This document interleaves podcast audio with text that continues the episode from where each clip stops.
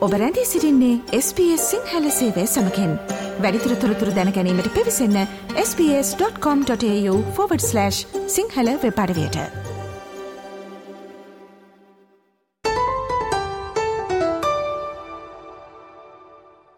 SBS Sinhala ගුවන්යතුලියෙන් අපි දිගින් දිගටම ඔබට ඔස්ට්‍රලියාව මේ ගේම්හාන නිවාඩුව ගත කරන්නට සුදුසු තැන් ගැන කතාබහ කලා. විශේෂයෙන්ම තමන්ගේ පවුලය ඇත් එක්ක දරුවොත් එක් යන සුදුසන් ගැන හෙම කතාබහ කලා. අද දවසේ අපි කතාබහ කරන්නේ තරුණ පිරිසිට සමීප මාතෘකාවක්. ඔබ කැමති නම් බැක්පැකින් සංචාරයකින් ඔස්ට්‍රලියාව පුරා ගමන් කරන්නට ඔබට අද මේ සාකච්ඡාව අනිවාරයෙන් වැදගත් වේවි. ඉතින් ඔබ බැක්පැකින් සංචාරයකින් ඔස්ට්‍රලියාව පුරා ගමන් කරන්නට බලාපොරොත්තු වෙනවා නම් ඔබ මොනවද දැනගත යුත්තේ. අද දවසේ අප සමඟ මේ සාකච්ඡාවට සම්බන්ධ වෙන්නේ මෙල්බන් විශ්වවිද්‍යාලයේ පරිසර පදති හා වනාන්තර විද්‍යාංශයේ පශ්චාත් උපාධි අපේක්ෂිකාවක් මෙන්ම පරිසර වේදනයක් වන සෞම්‍යා වන්‍යාරච්චි. අයිබෝන් කෙල පිළිගන්නවත් සෞම්‍ය ස්පස් සිංහල ගුවන් විදුලියට. අයිබෝන් අතිනි ඔවු සෞම්‍ය මම මුලින්ම ඔබෙන් දැනගන්න කැමති ඔස්ට්‍රලියාවේ බැක්පැකින් සංචාරයක් සඳහා ජනප්‍රිය ගමනාන්ත මොනවද? ඔව් අතිනි ඔස්ට්‍රේලියාවේ විවිධ ප්‍රදේශවල ජනප්‍රිය ස්ථාන ටිකක් ගැන මම කෙටි විස්තරයක් කරන්නම්. මුලින්ම අපි නැගෙනහිර වෙරළ තීරය එහෙම නැත්නම් ඊස්ට් කෝස්ට් එක කියලා කියන්නේ. ඒ කියන්නේ ඔස්ට්‍රේලියාවේ වැඩිම ජනගහනයක් ඉන්න ප්‍රදේශ තියෙන්නේ. ඒ පළාත් ගත්තොත් එහෙම සිඩ්නී, මෙල්බර්න්, ඒ වගේම ක්වීන්ස්ලන්ඩ් මේ ප්‍රාන්ත තුනේම බැක්පැකින් කරන්න ඉතා හොඳ පහසුකම් තියෙනවා. ඒ කියන්නේ මුලින්ම බැක්පැකින් කලින් කරලා නැති කෙනෙක්ට බැක්පැකින් පටන් ගන්න හොඳ ප්‍රදේශ තුනක් තමයි සිඩ්නි, මෙල්බර්න්, ක්වීන්ස්ලන්ඩ් කියලා කියන්නේ. අපි මෙල්බර්න් පැත්ත ගත්තොත් ඔගොල්ලෝ හැමෝම අහලා ඇති ප්‍රසිද්ධ great ocean road scenic drive එක තියෙනවා. මේ great ocean road scenic drive එකේ විශේෂත්වය තමයි අපිට සාමාන්‍යයෙන් වාහනයක ගමන් කරනවා වගේම අපිට පුළුවන් පොදු ප්‍රවාහන සේවයක එතනට ළඟා වෙලා වුණත් අපිට ටිකක් දුර ඒ කියන්නේ හයිකින් කර කර ඒ කියන්නේ හයිකින් කරන ගමන් නවාතැන් පොළවල් වල නැවති නැවති දිගටම සංචාරයක යෙදෙන්න පුළුවන්. අපිට මේ ග්‍රේට් ඕෂන් රෝඩ් ප්‍රදේශය ඇවිදිනකොට අවුරුදු මිලියන දහයක් විස්සක් වගේ ගොඩක් පරණ පර්වත. එතකොට දර්ශනීය මුහුදු වෙරළවල් ඒවගේම තමයි මුහුදු වෙරළටම යාබද වනාන්තර. මේ වගේ වනාන්තර ඇතුළෙන් අපිට චාරිකාවය දෙන්න පුළුවන්. මුලින්ම බැක්පැකින් කරන්න පටන් ගන්න කෙනෙක්ට ටිකක් ලොකු එකැන සතියක නැත්තන් දවස් හතක වගේ චාරිකාවකට මුලින්ම බැක්පැකින් කරන කෙනෙක්ට මේ great ocean road scenic drive එක වටා තියෙන ප්‍රදේශය ගොඩක් සුදුසුයි. මොකද ගොඩක් පොදු පහසුකම් තියෙනවා. ඒ වගේම තම නවාතැන් පහසුකමුත් ගොඩක් තියෙනවා. එතකොට ඒ වගේම තමයි මෙල්බන් ප්‍රදේශය ළඟ පිලිප් අයිලන් තියෙනවා. අපිට ඒ ප්‍රදේශවල සංචාරය කරත් එහෙම විශේෂම පිලිප් අයිලන්ඩ් වල නම් පෙන්ගුයින්ස්ලා බලන් ඉන්නවා. අපි වගේ ලංකාවෙන් පැමිණෙන කෙනෙක්ට පෙන්ගුවින්ස කියන්නේ ගොඩක් වෙලාට අලුත් අත්දැකීමක්. ඉතින් බැක්පැකින් ට්‍රිප් එකක් යන ගමන්ම පෙන්ගුවින්ස බලා ගන්න පුළුවන් පිලිප් අයිලන්ඩ් එකට ගියොත්. එතකොට සිඩ්නි ප්‍රදේශයට ගියොත් එහෙම ලූ මවුන්ටන්ස් නැෂනල් පාර්ක් එකට චාරිකාවක් යන්න කොච්චර ළඟද කියලා. ඒ කියන්නේ මුලින්ම බැක්පැකින් පටන් ගන්න කෙනෙක්ට සිඩ්නි නගරයේ ඉඳලම බ්ලූ මවුන්ටන්ස් වලට චාරිකාවක් සූදානම් කරගන්න පුළුවන්. ඒ වගේම තමයි ක්වීන්ස්ලන්ඩ් පැත්තට බැක්පැකින් සංචාරයක් කරන්න හිතාගෙන ඉන්න කෙනෙක්ට පුළුවන් ග්‍රේට් බැරියර් රීෆ් එහෙම නැත්නම් ලෝක ප්‍රසිද්ධ මහා බාධක පරය තියෙනවා. එහි ගිහිල්ලා මුහුදු ජීවීන් එතකොට කොරල් පර එහෙම නරඹන්න පුළුවන්. මම මේ කිව්ව ප්‍රාන්ත තුනේම හොඳට පොදු පහසුකම් තියෙනවා. ඒ වගේම තමයි නවාතැන් පහසුකම් තියෙනවා විශේෂයෙන්ම බැක්පැකර්ස්ලට පවා. ඊළඟට අපි වෙස්ටර්න් ඔස්ට්‍රේලියා පැත්තට ගියොත් එහෙම පර්ත් නගරය කියන්නෙම බොහොම සාමකාමී නගරයක්. ඉතින් පර්ත් නගරයට යාබදවම තියෙනවා කිංස් පාක් උද්භිද උද්‍යානය. අපි පර්ත්වලට ඉක්මට ළඟවන්න පුළුවන් කෙනෙක් නම් කැනෙ පර්ත් නගරේ තියෙනවා හොස්ටල්ස් එහෙම නැත්තම් මේ නවාතැන් පහසුකම් තියෙන බැක්පැකර්ස්ලට.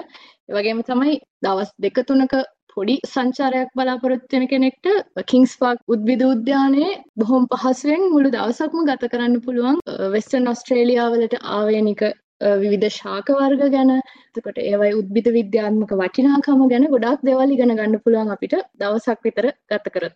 ඊළඟට තව එකක් තමයි පර්ත් ළඟ ඉන්න කෙනෙක්ට සංචාරය කරන්න යන්න පුළුවන් පිනකල්ස් ඩෙසර්ට් එහෙම නැත්නම් පිනකල්ස් කාන්තාරය. පිනකල් කාන්තාරය පැත්තේ සංචාරයක් කරන්න යන කෙනෙක්ට හිරිගල් පර්වත දැක ගන්න පුළුවන්. ඉතාම දර්ශනීය හිරිගල් පර්වත මේවා කාලයත් සමග සුළඟට වැස්සට නතු වෙලා කාදනයට ලක් වෙලා තියෙන. ඉතින් ඉතාම දර්ශනීය හැඩතල දැක බලාගන්න පුළුවන් ස්වභා ධර්මය විසින්ම මවපු. ඔගලන්ට ගයිඩඩ් ටුවර්ස් තියෙනවා පිනකල් ඩෙසට් එක ඇතුළේ රාත්‍රී කාලවල එකැනේ වෙනම අහස නිරීක්ෂණය කරන චාරිකා පවා තියෙනවා. ගොඩක් නගරබද ප්‍රදේශකින් ගොඩක් ඈත තියෙන හින්ද අපිට සාමාන්‍යයෙන් නගරෙදි දකින්න බැරි වෙන ලස්සන තරුරටා දැක ගන්න පුළුවන් ඒ වගේම තමයි කාන්තර ප්‍රදේශයක් හින්දා හවස හිරු බැස යාමත් හරිම මනස්කාන්තයි මේ වගේ ප්‍රදේශවල. අපි තව ටිකක් රට මැදට එන්න ගත්තොත් ඒ කියන්නේ කිම්බරි පැත්ත එහෙම නැත්නම් උළුරු කූබ පීඩි වගේ තනුත් ටිකක් වැඩිපුර අත්දැකීම් තියෙන බැක්පැකර්ස්ලා හරිම කැමැත්තෙන් යන ප්‍රදේශ. මොකද මේ වගේ පොඩි සිටිස් ටවන්ශිප්ස් වල බැක්පැකර්ස්ලා හරි කැමති සාමාන්‍යයෙන් මේ වගේ ටවන්ශිප්ස් වල ලෝකල් කට්ටිය ජීවත් වෙන්නේ කොහොමද කියලා ඒ අත්දැකීම ලබා ගන්න. ඉතින් ඒ වගේ ටිකක් හොඳට වැඩි බැක්පැකින් ගැන අත්දැකීම් සහගත කෙනෙක්ට මේ වගේ ටිකක් මැද පළාතකට වෙන්න තියෙන නවාතැන් පහසුකම් මෙහෙම ගැන ටිකක් වැඩිපුර හොයලා බලලා යන්න පුළුවන් තැන් වුණත් ටිකක් අත්දැකීම් ලබා ගත්තට පස්සේ නරඹන්න යන්න පුළුවන්. අපි මේල්ලෑන්ඩ් එකෙන් එලියට ගිහිල්ලා ටැස්මේනියාව ප්‍රාන්තයට යන බලාපොරොත්තු වෙන කෙනෙක්ට ෆෙරි එකක ගිහිල්ලා ක්‍රෙඩල් මවන්ටන් නැශනල් පාක් වගේ ස්වභාව වනෝද්‍යාන නරඹන්නත් යන්න පුළුවන් බැක්පැකින් චාරිකාවක. ඔව් සෞම්‍ය ඔබ පැවසූ ආකාරයේ ජනප්‍රිය ගමනාන්තයකට යම්කිසි කෙනෙක් බලාපොරොත්තු වෙනවා නම් ඕස්ට්‍රේලියාවේ බැක්පැකින් සංචාරයක් යන්න කොහොමද ඔවුන්නේ සැලසුම් කළ යුත්තේ? අපි ඒ ගැනත් සාකච්ඡා කරමු. පළවෙනියටම අපි කරන්න ඕනි මේ වගේ සංචාරයක් යනවා නම් අපි යන තැන ගැන යන තැන තීරණය කරලා ඊට පස්සේ යන ස්ථානය ගැන හොඳ අවබෝධයක් ලබා ගන්න ඕන. මොකද ගොඩක් වෙලාවට අපි බැක්පැකින් සංචාරයක් යන්නේ දවස් දෙක තුන හතරකට. ඔස්ට්‍රේලියාවේ නම් ෆෝරම්ස් ඒ කියන්නේ ඔන්ලයින් ෆෝරම්ස් තියෙනවා. එක එක කට්ටිය තමන්ගේ බැක්පැකින් අත්දැකීම් බෙදා හදාගන්න. පළවෙනියටම තැනක් තෝරගන්නත් ඉස්සෙල්ලා හොඳයි. අපි ටිකක් එක එක්කෙනාගේ අදහස් විමසන මේ ෆෝරම්ස් වලට ගිහිල්ලා මේ මේගොල්ලෝ මොනවාද විවිධ ස්ථාන ගැන කියන්නේ කියලා වගේ දල අදහසක් ලබා ගන්න අන්තර්ජාලයේ ඔස්සේ මේ මේ ෆෝරම්ස් වලට සම්බන්ධ වෙලා ඒගොල්ලන්ගේ විවිධ බැක්පැකින් චාරිකා ගිය කට්ටියගේ අත්දැකීම් ගැන කියවලා දල අදහසක් ලබාගෙන අපිට චාරිකාවට සූදානම් වෙන්න පුළුවන්. තව විශේෂ දෙයක් කියන්න ඕනේ කවදාවත් බැක්පැකින් ට්‍රිප් එකක් කරලා නැති කෙනෙක් නම් වඩාත් සුදුසුයි එක රැයක් වගේ ගත කරන්න පුළුවන් බැක්පැකින් ට්‍රිප් එකක් සැලසුම් කරගන්න එක. එතකොට අපිට ඒකෙන් දැනගන්න පුළුවන් අපි ඇත්තටම මේ වගේ චාරිකාවක් යන්න කැමතිද. මේ වගේ චාරිකාවක් යන්න අපේ එන්ඩියරන්ස් තියනවාද? ඒ වගේ දේවල් දැනගන්න පුළුවන් අපිට එක එකන එක රැයක් ගත කරන්න පුළුවන් විදිහ බැක්පැකින් චාරිකාවක් පලවෙනිට සැලසුම් කරොත් කවදාවත් බැක්පැකින් හිල්ල නැති කෙනෙ දෙවනි එක තමයි අපි යන ගමන් මාර්ගය. එකන්නේ දැන් අපි උදාහරණයකට ගත්තොත් නැශනල් පාක් එකක් හැර ස්වභා උද්‍යානයක් නරඹන්න තියෙන ප්‍රදේශයකට නම් බැක්පැකින් චාරිකාවක් යන්නේ. අපි පළවෙනියට පටන්ගත් කන්න තැන ඉඳලා යන වෙලාව. එතකොට පොදු ප්‍රවාහන සේවයක නම් යන්නේ බස් හරි දුම්රිය හරි යන වෙලාවල්. ඊට පස්සේ අපි නවාතැන් ගන්න ගොඩක් වෙලාට බැක්පැකින් චාරිකාවල යන අය නවාතැන් ගන්නේ හොස්ටල් වල.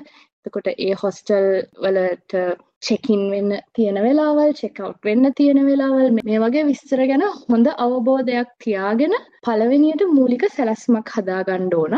යන දවස එන්න දවස ඒ අතරමැද විශේෂ නිවාඩු දවස් තියනවාද? ඒ විශේෂ නිවාඩු දවස්වල කොහොමද පොදු ප්‍රවාහන සේවය වැඩ කරන්නේ? එතකොට ඒ විශේෂ නිවාඩු දවස් තියෙන නම් ඒ දවස් ඇතුළත අපි ඉන්න නගරවල හරි ටවුන් වල හරි කඩවහලද තියෙන්නේ ඇරලද තියෙන්නේ? ඒ වගේ දේවලුත් ටිකක් වැඩිදුර හොයා බලන්න ඕන අපි සාමාන්‍යයෙන් සාමාන්‍යයෙන් යන චාරිකාවකට වඩා මොකද අපිට ගෙනියන්න පුළුවන් බඩමුට්ටු සීමිතයි. ඒ වගේම තමයි අපි කියන්නේ ගොඩක් වෙලාවට පෞද්ගලික වාහනයක යන්නේ නැහැ. එතකොට අපි වැඩිදුර සූදානමක් වෙලා තියෙන්න ඕන මේ වගේ චාරිකාවක් යද්දී. අපි කාලගුණය ගැන විශේෂ අවධානයක් යොමු කරන්න ඕන. එතකොට ස්වභාවික අනතුරු වෙන්න පුළුවන්, ජල ගැලීම් වෙන්න පුළුවන්, විශේෂයෙන්ම ඕස්ට්‍රේලියාවේ ලැබුගිනි ඇති වෙනවා.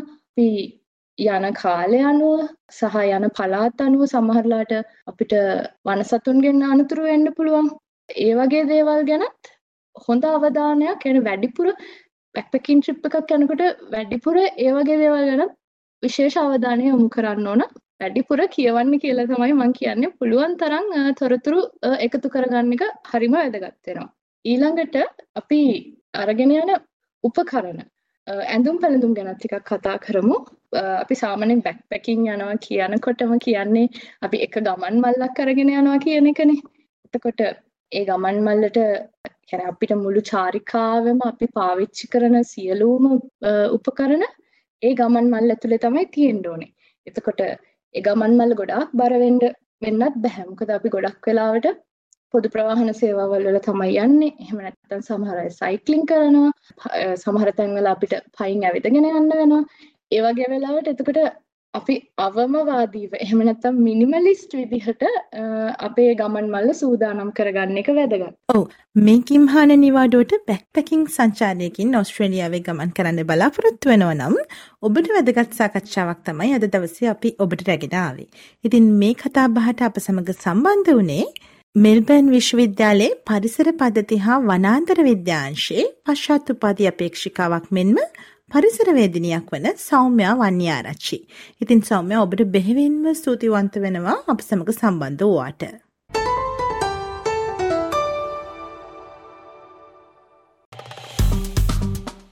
ලයි කරන්න ෂයා කරන්න අදහස් ප්‍රකාශ කරන්න SBS සිංහල ෆස්බුක් පිටුව ෆලෝ කරන්න.